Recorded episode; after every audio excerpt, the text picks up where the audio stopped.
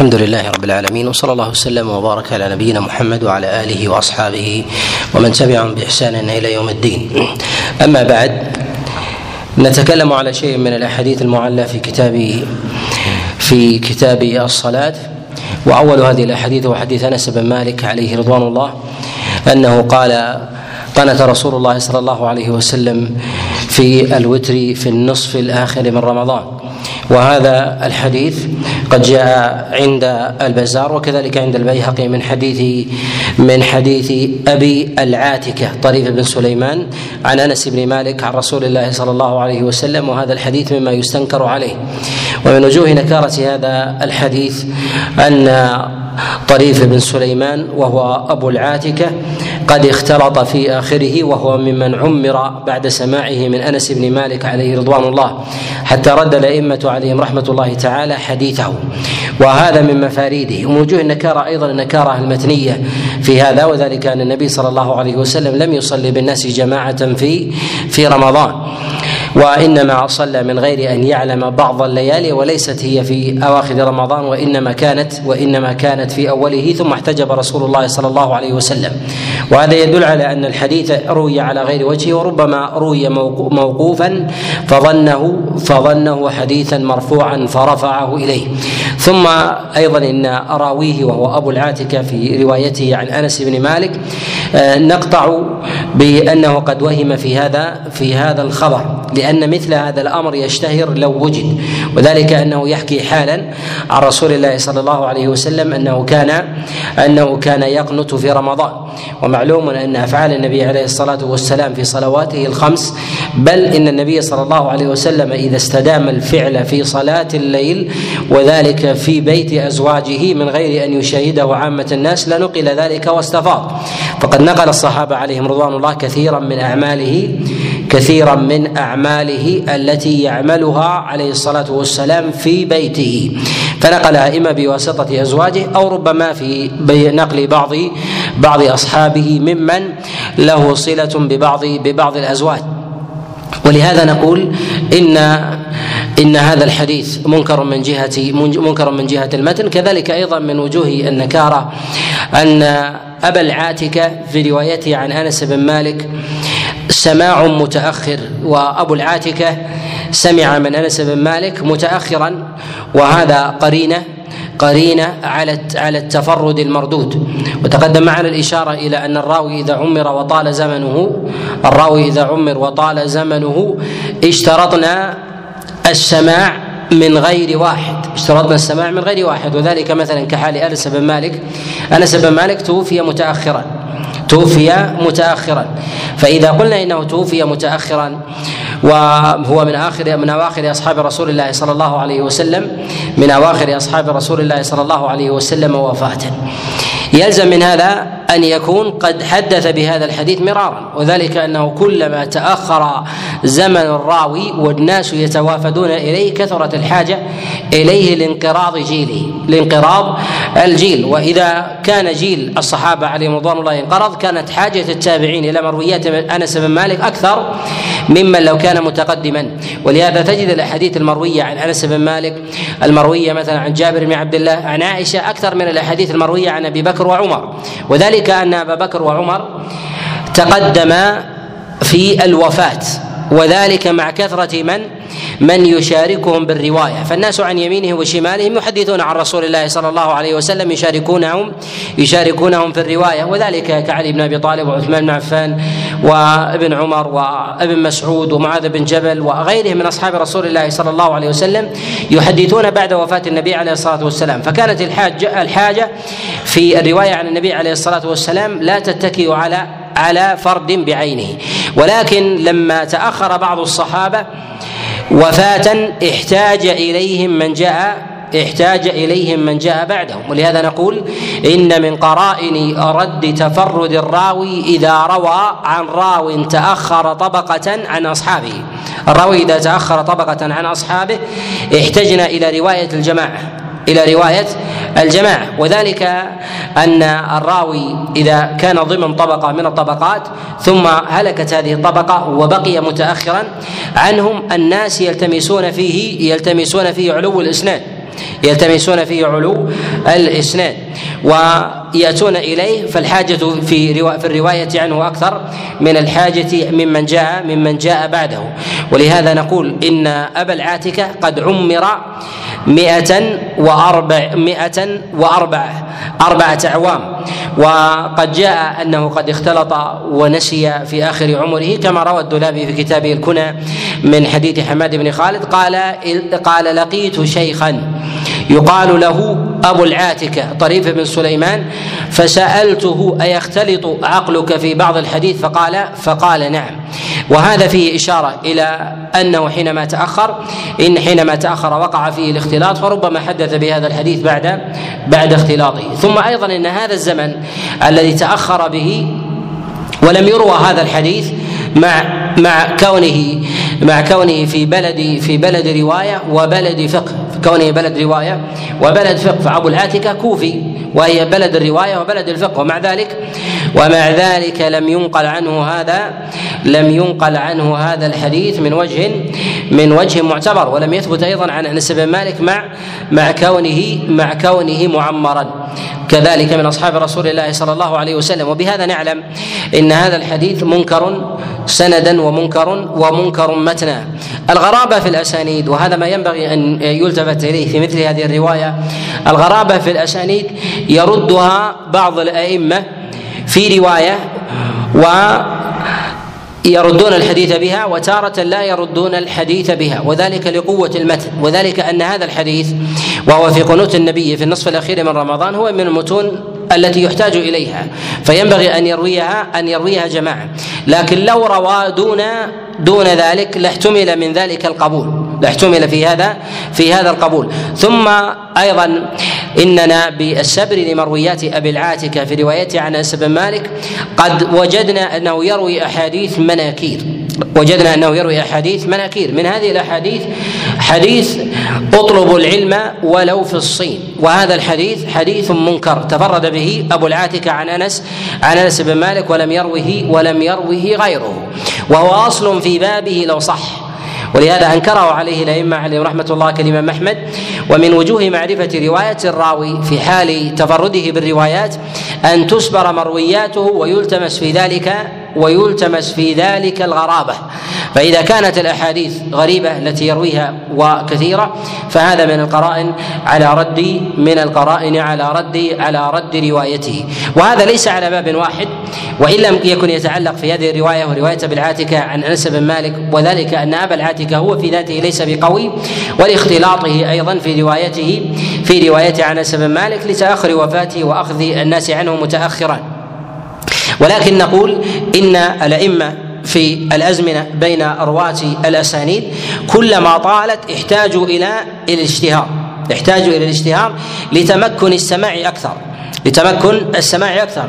كلما طال الزمن في رواة الرواة في رواة الأسانيد احتاج النقله احتجنا إلى نقلة أكثر احتجنا إلى نقلة أكثر. وذلك أن الصحابي مثلا إذا عمر ستين أو سبعين سنة بعد وفاة النبي عليه الصلاة والسلام وعمر التابعي بعد ذلك خمسين وستين أين النقلة لمثل هذا الحديث وهو محفوظ في صدره لم يروى إلا بعد نصف قرن من كل طبقة؟ فهذا من وجوه فهذا من وجوه الإعلال خاصة إذا كان مثل هذا التفرد يكون يكون في بلد من بلدان في بلد من بلدان الرواية. ولهذا ينبغي لطالب العلم عند نقده للحديث أن يلتمس السنين بين الرواة. أن يلتمس السنين بين الرواة فلها أثر في الإعلان. فالعشر تختلف عن العشرين والعشرين تختلف عن الثلاثين وهذا بحسب حال وهذا بحسب حال المتن. كلما امتد الزمن بين الرواة كان قرينة على رد على رد الرواية بالتفرد على رد الرواية بالتفرد وهذا ما ينبغي أن ينتبه أن ينتبه له مع نكارة هذا الحديث على ما تقدم من جهة من جهة المتن أيضا. الحديث الثاني من هذه الأحاديث هو حديث أنس بن مالك عليه رضوان الله أن رسول الله صلى الله عليه وسلم قال من صلى صلاة الضحى ثنتي عشرة ركعة بنى الله له بيتا في الجنة. بنى الله له بيتا بيتا في الجنة. هذا الحديث قد رواه الترمذي وكذلك ابن ماجه في كتابه السنن من حديث موسى بن فلان بن أنس عن عمه ثمامة بن أنس عن أنس بن مالك عن رسول الله صلى الله عليه وسلم. هذا الحديث غريب وقد تفرد به موسى موسى بن فلان وقيل هو موسى بن حمزة بن أنس وعمه ثمامة هو الذي يروي عنه وثمامة بن أنس عن أنس بن مالك عن رسول الله صلى الله عليه وسلم. هذا الحديث غريب ولا يعرف إلا من هذا الوجه بهذا بهذا اللفظ. ولا يعرف بهذا اللفظ إلا من هذا الوجه. ولم يروى عن أنس بن مالك إلا من حديث ثمامة. ولم يروى عن ثمامة إلا من حديث موسى ابن فلان ابن أنس عن ثمامة عن أبيه عن رسول الله صلى الله عليه وسلم. وقد حكم عليه بالغرابة غير واحد من العلماء. فقال الترمذي رحمه الله كما في كتابه السنن لما أخرجه وقال هذا حديث غريب لا نعرفه إلا من هذا لا نعرفه إلا من هذا من هذا الوجه. وموسى ابن فلان أو موسى ابن حمزة على قول مستور وإن عرفت عينه إلا أن حاله لا تعرف إلا أن حاله حاله لا تعرف. ويقبل في أبواب الاعتبار ولكن لم يتابعه على ذلك أحد من هذا الوجه. لم يتابعه على ذلك على ذلك أحد من هذا الوجه. ثم أيضا إن هذا الحديث لو كان من حديث ثمامة في روايته عن أنس بن مالك لنقله من هو أوثق. ومعلوم أن ثمامة وهو من رجال الصحيحين يروي عن أنس بن مالك قد روى عنه من هو من هو أوثق من طبقة موسى وكذلك أجل وأعلى. وذلك كابن عون فإنه يروي عن ثمامة وله أحاديث كثيرة وقد أخرج له البخاري رحمه الله في كتابه الصحيح من حديث ابن عون عن ثمامة عن أنس بن مالك. ومثل هذا الحديث مما يحفظ وينقل مما يحفظ وينقل. والأحاديث التي جاءت في الصحيح وغيره في مشروعية صلاة الضحى جاءت بإطلاق جاءت بإطلاق. ولم تأتي حثا وحظا على عدد معين من الصلوات. ولم تأتي على عدد معين من الصلوات وإنما جاء فعلا كما في حديث أم هانئ. كما في حديث ام هانئ أن رسول الله صلى الله عليه وسلم صلى ثمان ركعات وذلك في يوم الفتح و وخفف فيها رسول الله صلى الله عليه وسلم.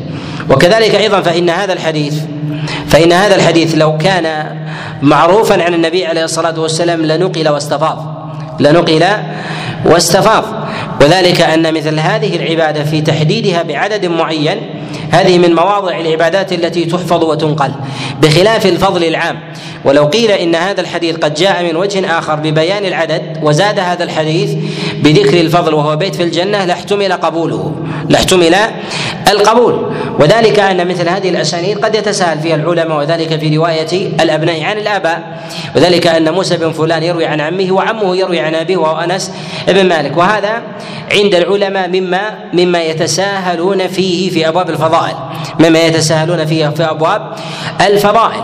ولكن لما كان فردا في بيان عدد صلاة الضحى كان مما يستنكر عند عند العلماء. ولهذا يردون يردون أمثال هذه الأحاديث لأن فيها مزيد عبادة. وينبغي أن نعلم أن الأحاديث التي يتكلم عليها العلماء في التساهل فيها في أبواب فضائل الأعمال هي التي تفردت بفضل ولم تتفرد بوصف.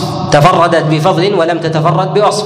وأما إذا تفردت بوصف للعبادة إما في أبواب العدد وإما في الزمن أو في المكان. في الزمن أو في المكان أو في العدد. أو في حالها طولا وقصرا. فإن هذا فإن هذا من مواضع الأحكام التي يشدد فيها العلماء.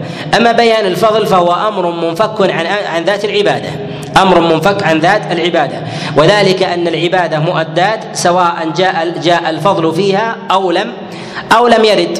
كصلاة الفجر وركعتي الفجر وركعتي الظهر وغيرها من من النوافل أو صلاة الوتر. فإذا جاء حديث في بيان فضلها فإذا جاء حديث في بيان فضلها نقول بقبوله. لأن هذا فضل مجرد وليس فيه التزام عدد. ولا وليس فيه التزام عدد. فإذا جاء فيه التزام عدد فإن هذا من من أحاديث الأحكام. وكثير من الناس لا يفرق بين هذين الموضعين. لا يفرق بين هذين الموضعين. وذلك في الفضل الذي يتضمن وصفا أو عددا أو تقييدا بمكان أو زمان وبين الفضل المجرد. فنقول إن الفضل الذي يضاف إليه وصف أو عدد أو تقييد بزمان أو مكان فهذا من وضع العبادة التي يشدد فيها العلماء.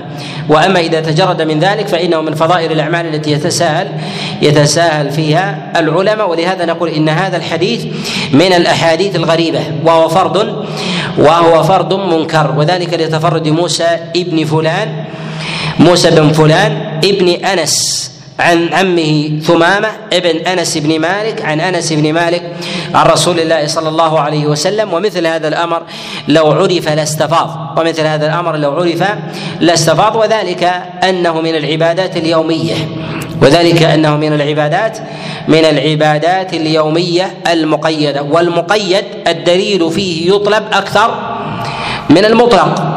ومن وجوه الإعلال أنه ثبت عن النبي عليه الصلاة والسلام أن قال أنه قال من صلى في يومه ثنتي عشرة ركعة من غير الفريضة بنى الله له بيتا في الجنة. هذه نافلة مطلقة. هذه نافلة نافلة مطلقة فيؤديها الإنسان. وهذه النافلة المطلقة وقد جاءت في صحيح الإمام مسلم بإسناد أصح من هذا. فالنافلة المقيدة التي تكون في يوم في يوم الإنسان وليلته بعدد معين يطلب لها الإسناد يطلب لها الإسناد أقوى يطلب لها الإسناد أقوى. ولهذا نقول إن النوافل المقيدة بعدد في اليوم والليلة وصح أسانيدها بأمثل من هذا هي تعل هذا الحديث. تعل هذا الحديث وهذا مقتضى إحكام الشريعة.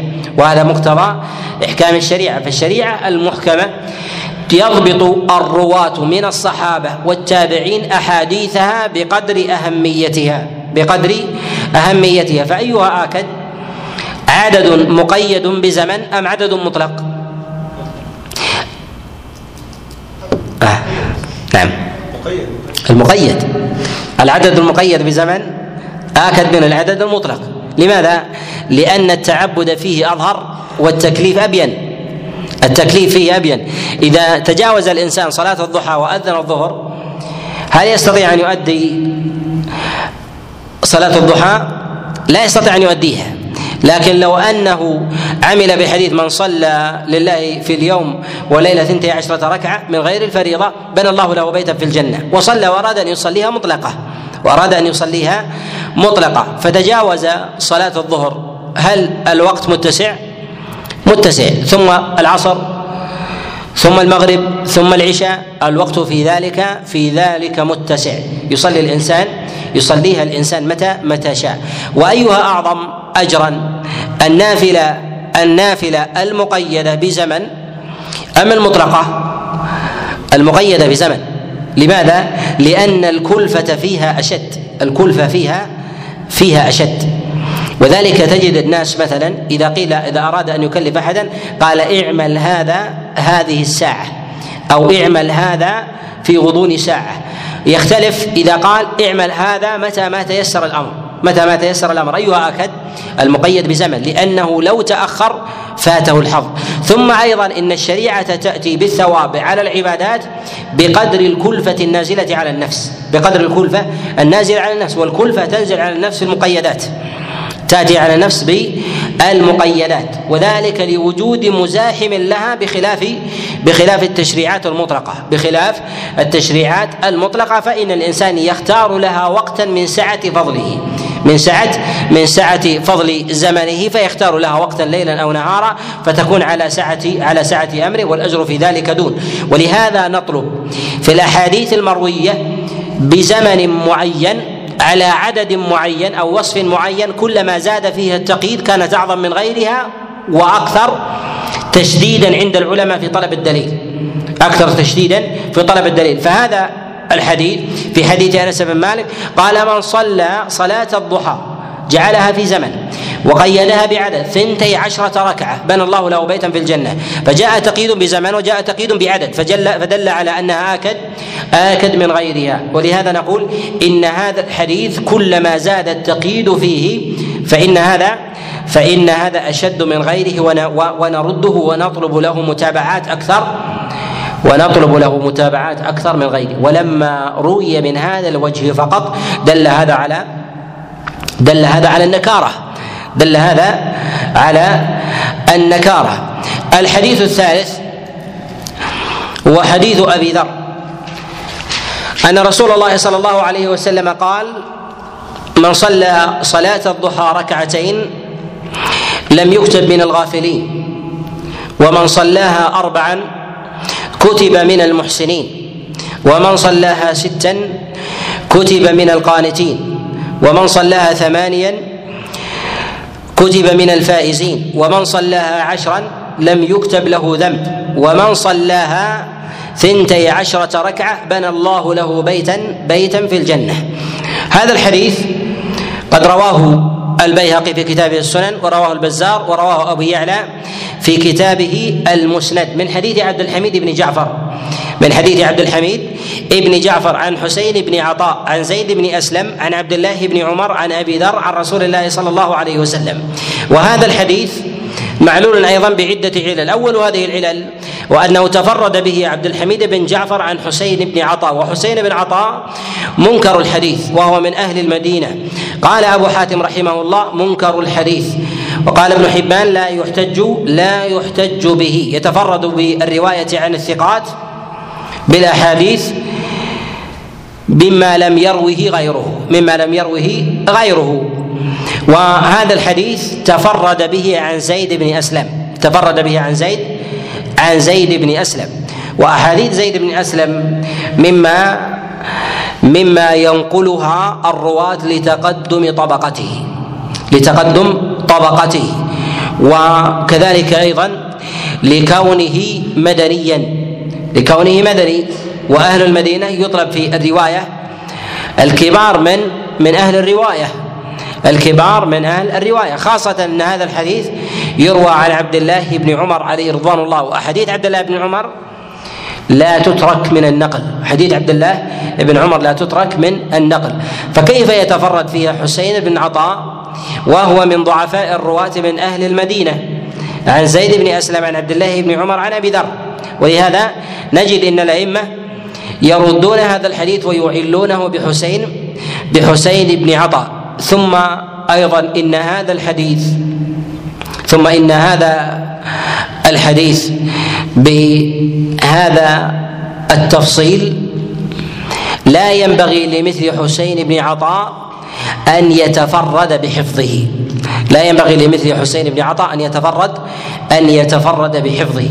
وذلك لتنوع الأجور وتنوع الفضل وتباين أيضا العدد. فذكر أن أدنى صلاة الضحى ركعتين واعلاها تنتهي عشرة ركعة. وهذا وهذا يحتاج إلى ضابط يرويه من الثقات. إلى ضابط يرويه يرويه من الثقات.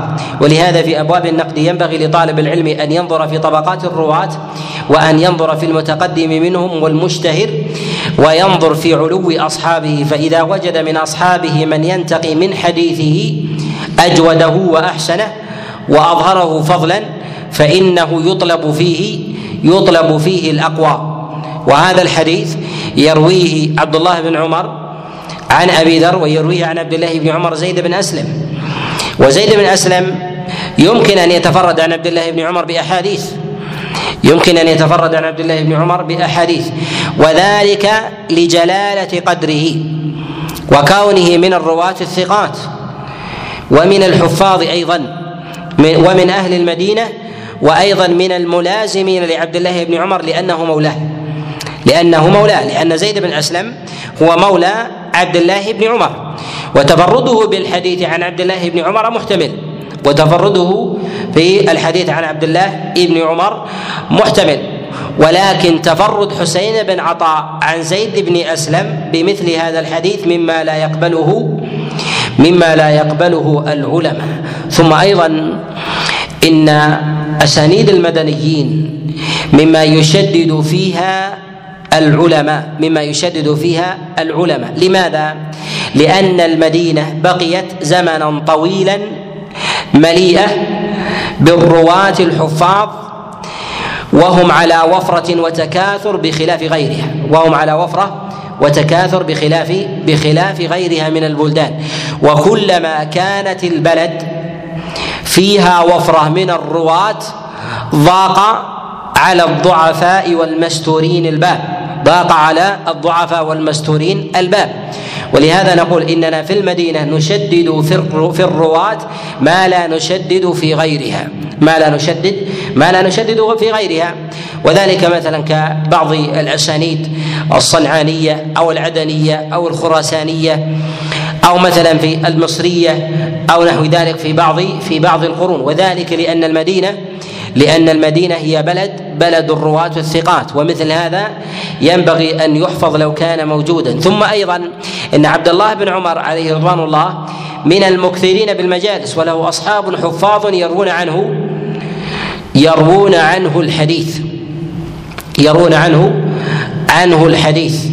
وإذا لم ينقل في مثل هذا مع عموم أو مع الحاجة إليه الحاجة إلى مثل هذه المسائل دل دل على النكارة ويكفي في ذلك وتفرد حسين بن عطاء وهو من المقلين أيضا في أبواب من المقلين في أبواب الرواية. الحديث الرابع هو حديث أبي الدرداء.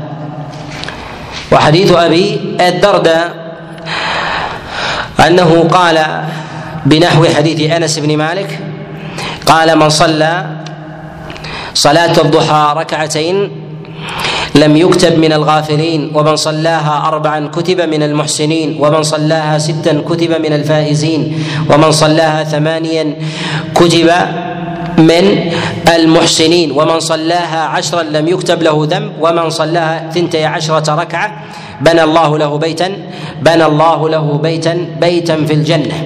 ولهذا نقول إن هذا الحديث يطلب فيه ما في الحديث الأول وقد رواه الطبراني من حديث موسى بن يعقوب عن الصلت بن سالم عن زيد بن أسلم عن عبد الله بن عمر عن أبي الدرداء عن أبي الدرداء. وهذا الحديث في ظاهره في ظاهره اضطراب. في ظاهره اضطراب.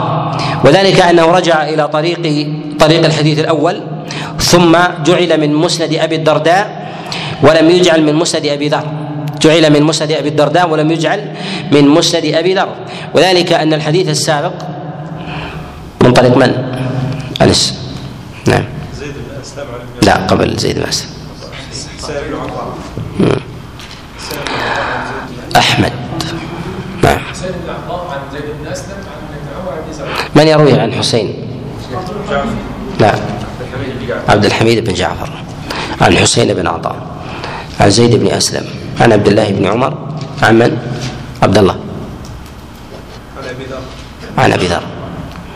عن أبي ذر. وهذا الحديث وهذا الحديث ها موسى عن محمد. الحديث اللي قبل؟ هذا الحديث الثاني. هذا الحديث اللي هو صلت بن سالم؟ من يرويه؟ مسلم يعقوب على صلت بن سالم نعم. عن زيد بن أسلم نعم. عن عبد الله بن عمر عن أبي الدرداء. عن أبي الدرداء. وهذا الحديث يرجع إلى وملتقاه في ذلك إلى ملتقاه إلى زيد بن أسلم. ملتقاه إلى زيد إلى زيد بن أسلم. ولكنه قد اختلف واختلف فيه في في موضعين. الموضع الأول أنه جعل من مسند أبي الدرداء والوجه الأول أنه من مسند أبي ذر الوجه الأول من مسند أبي ذر. ثم أيضا إن الراوي له عن زيد بن أسلم هو الصلت بن سالم ويرويه عن الصلت موسى بن يعقوب وقد تفرد به موسى بن يعقوب في روايته عن الصلت وهو منكر وهو منكر الحديث وهو منكر الحديث فوهم في إسناده فوهم في إسناده والذي يظهر والله أعلم أن مثل هذا الحديث لعله كان في نسخة ولعله كان في نسخة. فمثل موسى موسى ابن يعقوب في روايته لمثل هذا الحديث بمثل هذا التمام على ما رواه حسين بن عطاء على التمام مما مما يبعد مما يبعد. وقد وهم في إسناده فكيف لا يهم في المتن؟ وهم في الإسناد فكيف لا يهم؟ لا يهم في المتن ويأتي بمثل بمثل هذا الضبط. ولهذا نقول إن هذا الحديث إما أن يكون مسروقا. كيف يكون مسروقا؟ إما أن يكون سرق النصره النسخة أو سرق السماع. بمعنى أنه سمع احدا رواه سمع احد رواه ثم عن شيخ ثم حدث عن الشيخ ولم يذكر هذا الراوي. وهذا يسمى سرقة. سرقة. وذلك أن هذا الحديث يعتبر كالمال. مال من؟ مال الراوي. وهذا في حال في حال التعمد ويقع ممن ويقع من الكذابين. ويقع من الكذابين. وأيضا إذا سرقت نسخه من النسخ فإنه حينئذ ربما ينسبه ينسب هذا هذا الحديث إلى إلى إلى ذلك الراوي الذي يجده في النسخة ويحملها تجوزا إما أن يقول عن وإما أن يقول قال وإما أن يكذب في ذلك ويقول اخبرنا وإما أن يقول أخبرنا وأنبأنا. وذلك أن الرواة كلما تعددوا زادوا وكل زادوا في المتن. زادوا في المتن أو نقصوا أو غيروا إما زيادة أو نقصان أو تغيير. وهذا يكون في الحفاظ الكبار. وهذا من مواضع معرفة الأحاديث المسروقة. نسخا أو سماعا؟ النسخ أو السماع. من منكم معلم؟ من المعلم؟ المعلمين يعرفون الإجابات في الاختبارات المسروقة أليس كذلك؟ ألا يعرف هذا؟ إذا جاءت على نسق واحد إذا جاءت على نسق واحد وينقدح في ذهنه علة أن هذا أيهم الثقة وأيهم من دونه ويستطيع أن يحكم بالترجيح لماذا؟ لأن طبيعة البشر لا بد أن يزيدوا أو ينقصوا أو يغيروا إما بزيادة أو بنقصان أو بتغيير. طبيعة البشر. وذلك لما جبلهم الله عز وجل عليه عليه بالنقص لما جبلهم الله عز وجل عليه بالنقص. ومن وجوه أيضا أن العلة في موسى بن يعقوب يرويه عن الصلت والعلة في موسى بن يعقوب أكثر من الصلت ويرويه عن زيد بن أسلم. فجاء في ذلك متأخرا. العلة تأخرت عن طبقة حسين حسين ابن عطاء ولهذا نقول من مواضع إعلال الحديث إذا وجدنا المتن متطابقا وتعددت الروايات وفيه من من هو ليس من الضابطين الكبار والحديث ليس فيه دلالة على أنه نسخة فهذا أماره على ماذا؟ أماره على السرقة. اماره على السرقة وهذا يدل على ماذا؟ على أن الحديث إما أن يكون مكذوبا من هذا الوجه منتحلا ومغشوشا. الحديث يكون مغشوش. ولهذا نقول إن من مواضع الإعلال في متون الأحاديث هو التماس المتون والمقارنة بينها عند تعدد المخارج. قال ابن أبي حاتم رحمه الله سألت أبي عن هذين الطريقين. فقال كلاهما مضطرب. فقال كلاهما كلاهما مضطرب. من ينظر إلى تعدد الأسانيد ويقوم بعض بعضها مع بعض وهو يرى المتن واحد متطابق والرواة دون مرتبة الحفظ مهما كانت جلالتهم دون مرتبة الضبط ويقوم بتصحيح ذلك هذه غفلة. هذه غفلة. لهذا ينبغي أن ينظر إلى تطابق الحروف وتطابق الألفاظ. فإذا تطابقت مع طريق آخر فإن هذا أمارة نكارة أم أم لا. من نظر إلى طريقة المتأخرين يجد أنهم يستأنسون في تطابق الأحاديث والمتقدمون ينفرون من تطابقها. المتقدمون ينفرون من التطابق. وذلك أنه كلما تأخر طبقة الراوي أو تعددت الأسانيد فإن هذا أمارة على الوهم. فلدينا أبو ذر ولدينا ابن عمر ولدينا زيد بن أسلم ولدينا حسين بن عطاء ولدينا أيضا من يروي عن حسين بن عطاء عبد الحميد بن جعفر. فهؤلاء خمسة. فلا بد أن يزيد منهم أحد حرف ولدينا أيضا في ذلك الراوي في موسى بن يعقوب في روايته عن الصالت عن زيد بن أسلم عن عبد الله عن أبي الدرداء وخمسة ثم يتطابقون في ذلك الجيل ولا يكون ثمة تداخل بين هذه الروايات هذا من الأمور الصعبة. فإن الإسناد الواحد في ذاته يت... الحديث الواحد في ذاته يتغير من الطبقة الأولى إلى الطبقة التي تليها فكيف وقد جاء من وجهين متشابهين؟ فهذا من أمارة الغلط إما في الوجه الأول أو في الوجه أو في الوجه الثاني. ونؤكد دائما أنه كلما تتعدد رواية الرواة للحديث الواحد ويأتي من وجوه لا بد أن يكون ثمة تغير. وهذا التغير العلماء لا يشددون فيه إذا كان إذا كان إذا كان يسيرا. وإذا كان يتغير معه المعنى جعل العلماء الرواة مما اضطربوا في هذا الحديث ويستنكرون منه شيئا ويدعون شيئا. وربما استنكروا الحديث كله لأن وجود علة فيه أمارة على ورود خلل ربما يشترك فيه الجماعة وربما يشترك فيه واحد أو ربما يشترك فيه وربما يشترك فيه اثنين. ونؤكد أيضا أن تعدد الرواة في الإسناد كثرة أمارة على تغير الحديث أو لا لماذا؟ من يستطيع أن يمثل لا. عندك ورقة يا أنس؟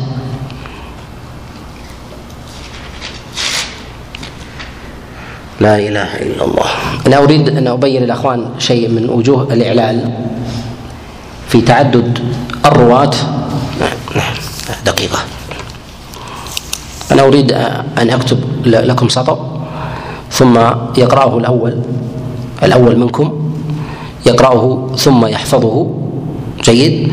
ثم يحدث به الآخر والآخر يدون به الحديث الثاني ما حدثه به. انتبهوا. ثم يحفظ تدوينه لا يريه أحد. ثم يحدث الذي بجواره والذي بجواره يدون هذا الحديث ولا يريه الآخر. ثم نطابق بين النصوص. ثم نطابق بين النصوص. ننظر في النص الأول الذي كتبته أنا وننظر في مدى التحول. ننظر مدى التحول. كلما زاد العدد إذا انتهينا في آخر واحد سيأتينا بدل الحديث في الصلاة يأتينا في الزكاة. يأتينا في الزكاة هذه طبيعة البشر. سأحاول أن أذكر نص ليس حديثا أو ربما من أحاديث الناس أو من فضائل من فضائل الأعمال. وسأعطيه أنس. جيد. وبعد ذلك بعد ما يحفظه أبقيه عندي ويقرأ كل واحد النص ثم أطابقه مع النص الذي عندي. ونعرف مدى التغير. واضح؟ ليس ضبط أنا أريد أن أبين أنه كلما يتعدد تتعدد الطبقات يكثر العدد يزيد في ذلك الوهم. ولهذا العلماء يقدمون الحديث العالي على الحديث النازل لضعف تضييق نطاق الضعف البشري.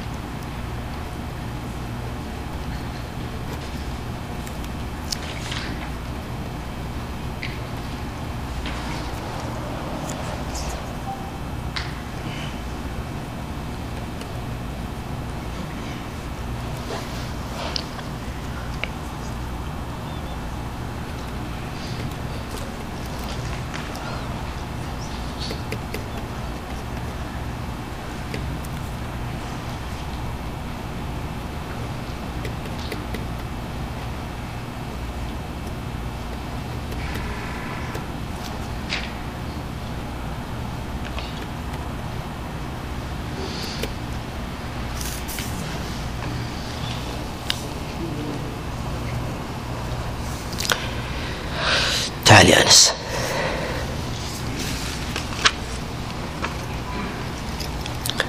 اقرأه واحفظه وحدث به عبد الرحمن. اجلس.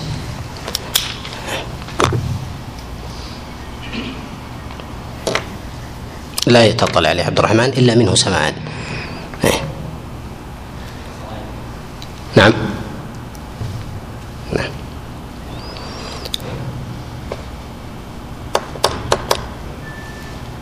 إذا حفظته جيد أغلق الورقة.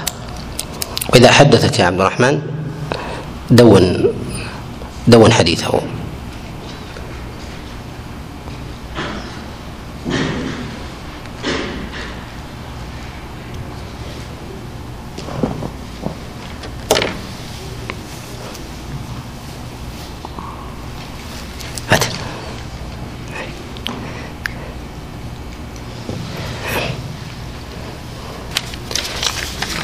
يا عبد الرحمن بعد أن تسمع منه الحديث جيد وتحفظه ينتهي ثم تحدث به الآخر ثم تدونه.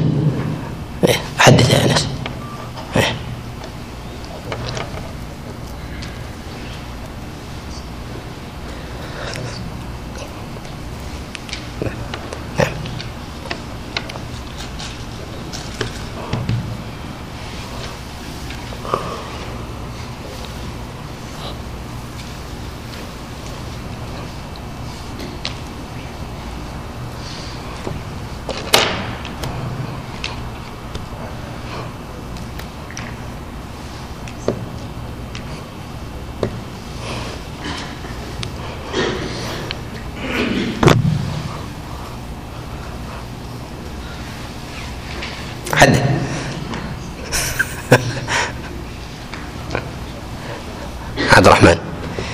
جید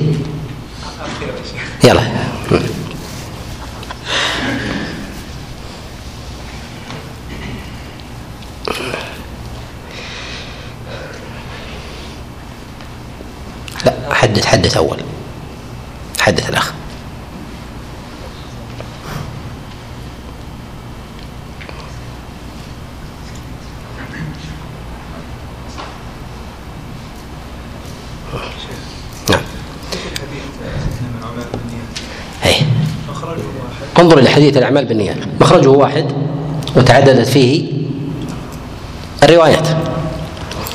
من يعطينا الروايات؟ ومثل لنا خنس بحديث انما الاعمال بالنيات. خطب عمر الخطاب قال يا أيها الناس إنما الأعمال بالنيات. أعطنا الألفاظ الأخرى انما الاعمال بالنيات والعمل بالنيه العمل بالنية. نعم. بدون إنما. جاء إنما الأعمال بالنيات وإنما العمل بالنية وجاء العمل بالنية والعمل بالنية والأعمال بالنيات. هذه أربعة. نعم. وإنما لامرئ ما نوى. وإنما لامرئ ما نوى وإنما لكل امرئ ما نوى.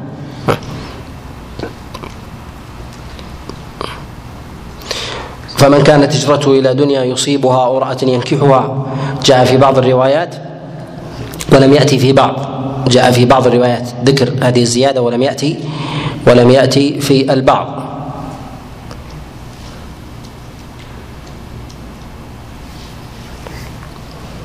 جيد؟ دقيقة. أنت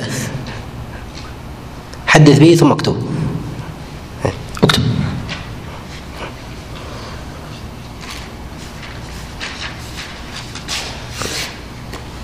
لديه سؤال. نعم.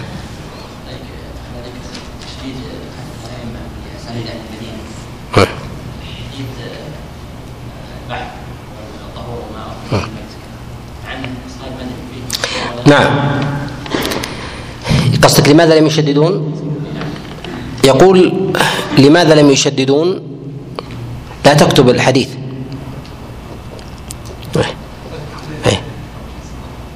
اسمع. ثم حدث ثم دون. أنت إذا انتهيت اكتب أنت يا عبد الرحمن جيب الورقة. عندي. اكتبها وحطها هنا. ترى التطابق يدل على ماذا؟ سرقة.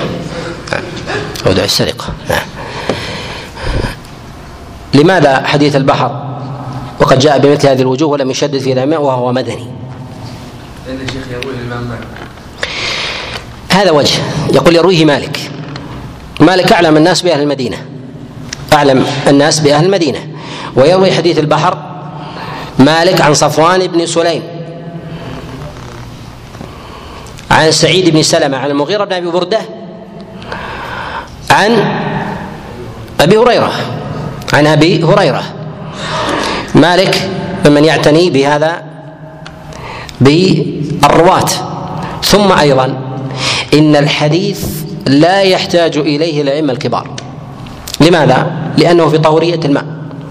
والماء ليس بحاجة إلى إلى إثبات طهوريته لاستفاضة هذا الأمر فقها وعملا ولم يخالف في ذلك أحد إلا إلا قول فهم فهمه بعض العلماء في حديث عبد الله ابن عمر عليه رضوان الله. إن تحت الماء نار إن تحت النار ماء وهكذا حمله على عدم التطهر بمياه بمياه البحر. ومثل هذا نقول هذا من الأسانيد اليسيرة جدا. يحملها يحملها من من دونه. نعم. دونت هات. عبد الرحمن. ها اختبار هو ولا سؤال؟ هات هات. أنت الثالث بالأسانيد؟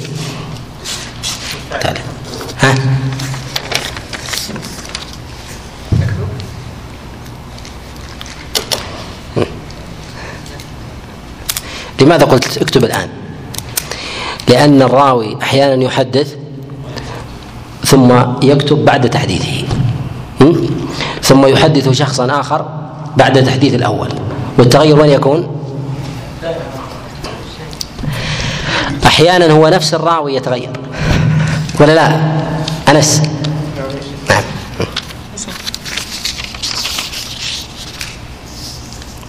ورقتك لا هذه ليش هذه ليش طيب.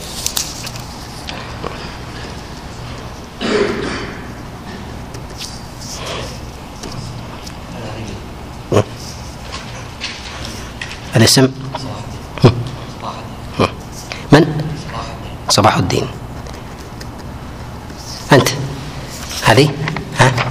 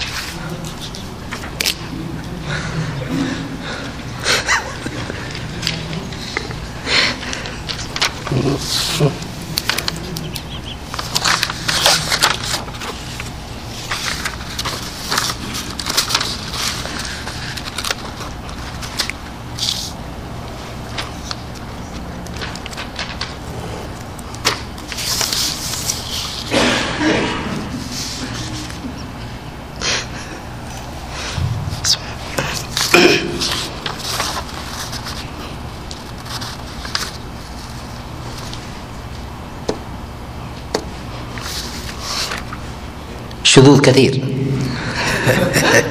الشذوذ في الروايات كثير. المتن اكتبوا اكتبوا جميعا.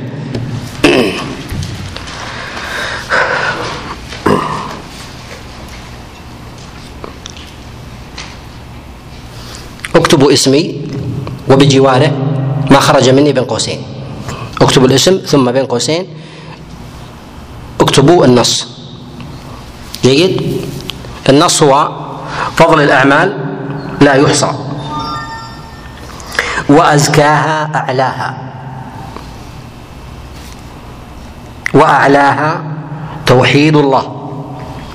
فالجهاد فبر الوالدين فطلب العلم فالحب لله والبغض لله.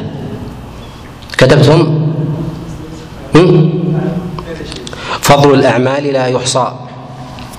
وأزكاها أعلاها.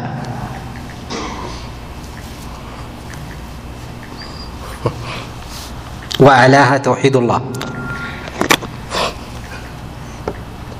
فالجهاد فبر الوالدين فطلب العلم فالحب لله والبغض لله.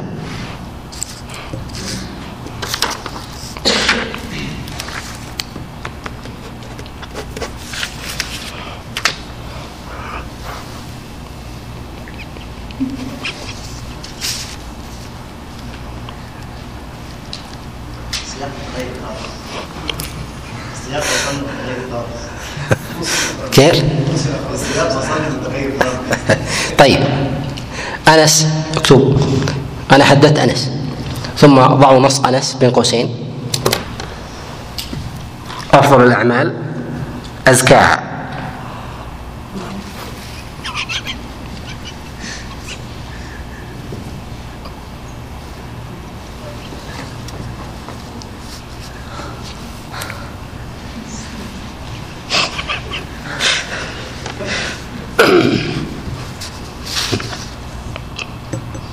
وأزكى أعلاها.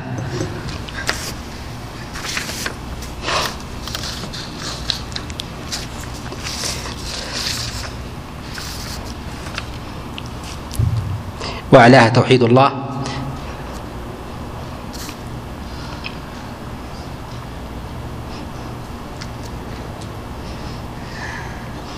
فالجهاد فبر الوالدين فطلب العلم. فالحب في الله والبغض في الله.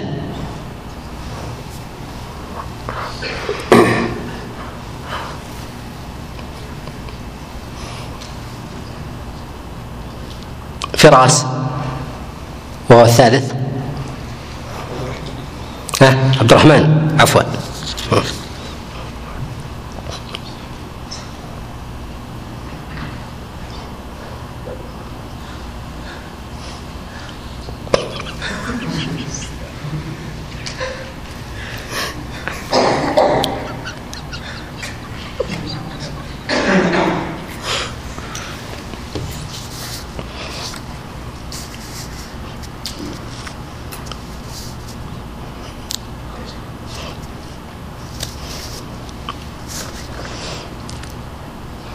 أنس يحدث عني ها؟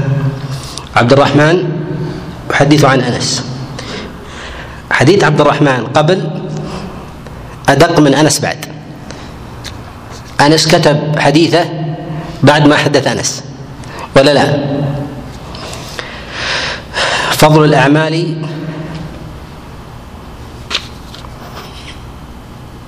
أزكاها.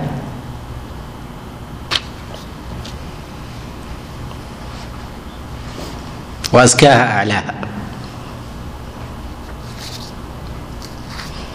وأعلاها توحيد الله فطلب العلم فالجهاد في سبيل الله.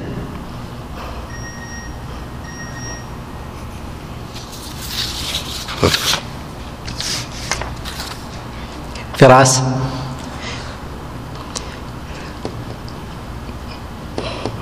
فضل الأعمال أزكاها وأزكاها توحيد الله.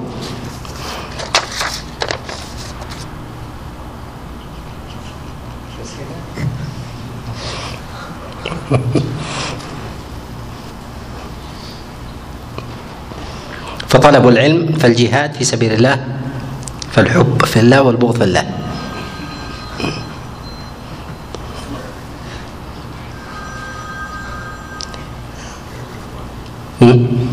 صباح الدين.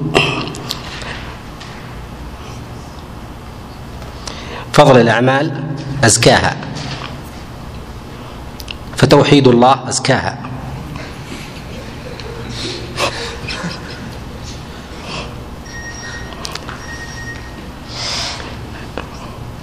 فالجهاد في سبيل الله. فالحب في الله والبغض في الله.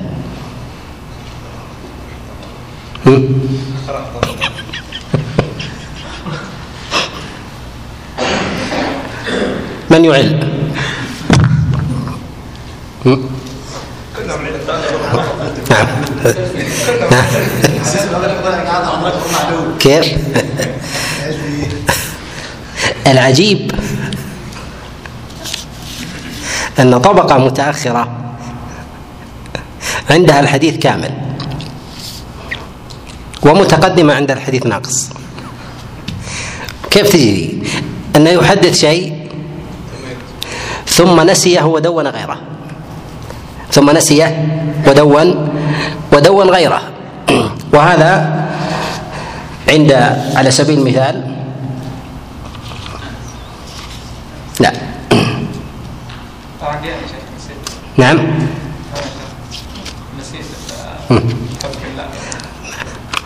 عبد الرحمن أعطى فراس الحب في الله والبغض في الله. ولما أعطاه نسي الحب في الله والبغض في الله ثم كتب ناقصا. وأصبحت هذه الزيادة هذه الزيادة هل هي غير محفوظة وليس محفوظة؟ هذا إذا جاء في طريق واحد. فكيف إذا جاءنا الحديث من وجه آخر؟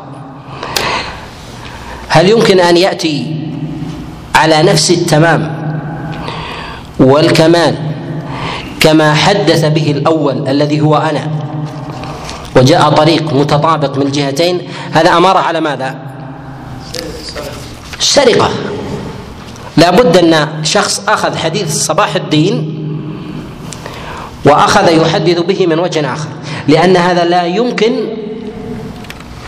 أن يصح لا يمكن أن يصح وهذا اماره على ماذا؟ اماره على النكارة. اماره على النكارة.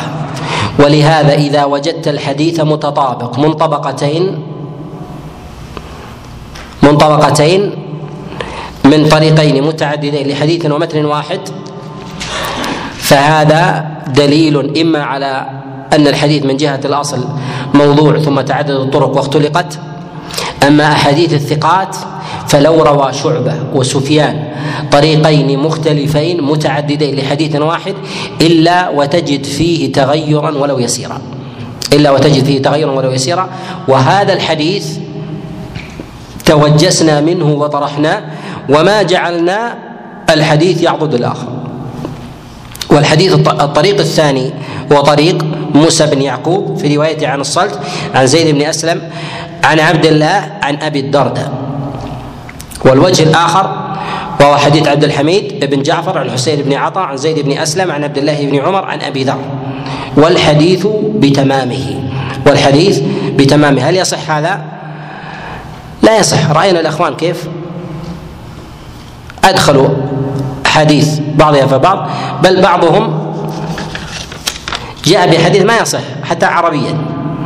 فضل فضل الأعمال أزكاها وأزكاها أعلاها. فضل الأعمال أزكاها. هذا مثل هذا الأسلوب صحيح ولا مو صحيح؟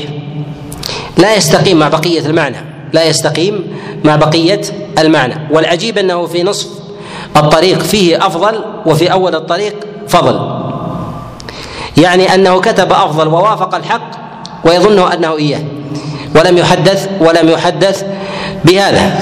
وكذلك أيضا يوجد أوهام عند أول الرواة وهو أنس وليست موجودة عند آخر الرواة. وليست موجودة عند آخر الرواة. مما يدل على أن بعض الرواة إما أن يقدم ويؤخر وقد جاءنا تقديم هنا في مسألة الجهاد و والحب في الله. جاء فيها تقديم. في وبعضهم أخر بر الوالدين وبعضهم ترك طلب العلم بالكلية وهم أكثر الإخوان. تركوا طلب فضل طلب العلم. ولهذا نقول إن كلما يتعدد تتعدد الطبقة ولو اختلف راويان في حديث واحد فالتمس الفرق. إذا وجدت التطابق والحديث طويل فاما أن يكون نسخة أو شك. إما أن يكون نسخة أو شك فنقول نقول إنه تم التداخل في هذه الأحاديث. وبالله التوفيق وصلى الله وسلم وبارك على نبينا محمد. نعم.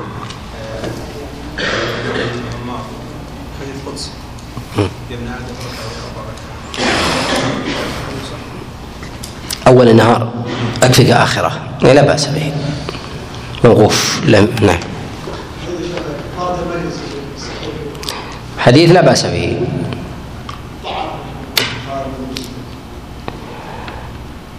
لا البخاري المسلم ما ضعف. البخاري أعله حديث كفارة المجلس البخاري أعله ومسلم لا نعم. إيش فيها؟ حديث منقطع. حديث منقطع رواه أحمد في المسند في انقطاع. نجيبه من حديث حبيب نعم. كذا الحديث متواتر ما يمكن يجي بلفظ واحد. ممكن أن يكون مختصر. ممكن أن يأتي مختصر. من كذب عليه متعمد فيتبوأ مقعده من النار. مثل هذا ممكن. ممكن يأتي المسلم من سلم المسلمون من لسانه ويده. ولكن أيضا ربما يأتي في تغير. مسلم من سلم المسلمون من يده ولسانه. يأتي تقديم وتأخير. نعم.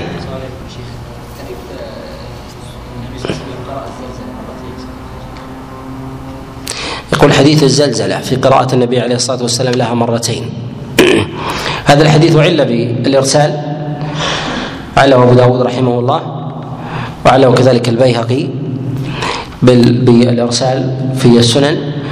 وجعله في السفر وترجم عليه. قال باب قراءة الزلزلة في السفر. وجاء بأمثل منه قراءة النبي عليه الصلاة والسلام للمعوذتين في وكررها في سفره وهي أصح. نعم. ذكر في الفتاوى حديث نسب إلى الطبراني قال انهم يرونهم في ربض الجنة ويرونهم من حيث لا يرون ال- الجن. اي نعم. هي.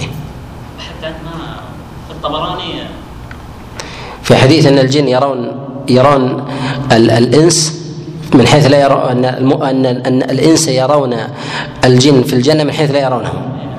هو هذا الحديث جاء مرفوع وموقوف وأخرجه ابن جرير الطبري في التفسير. أخرجه ابن جرير الطبري في التفسير. وبالله التوفيق وصلى الله وسلم وبارك على نبينا محمد.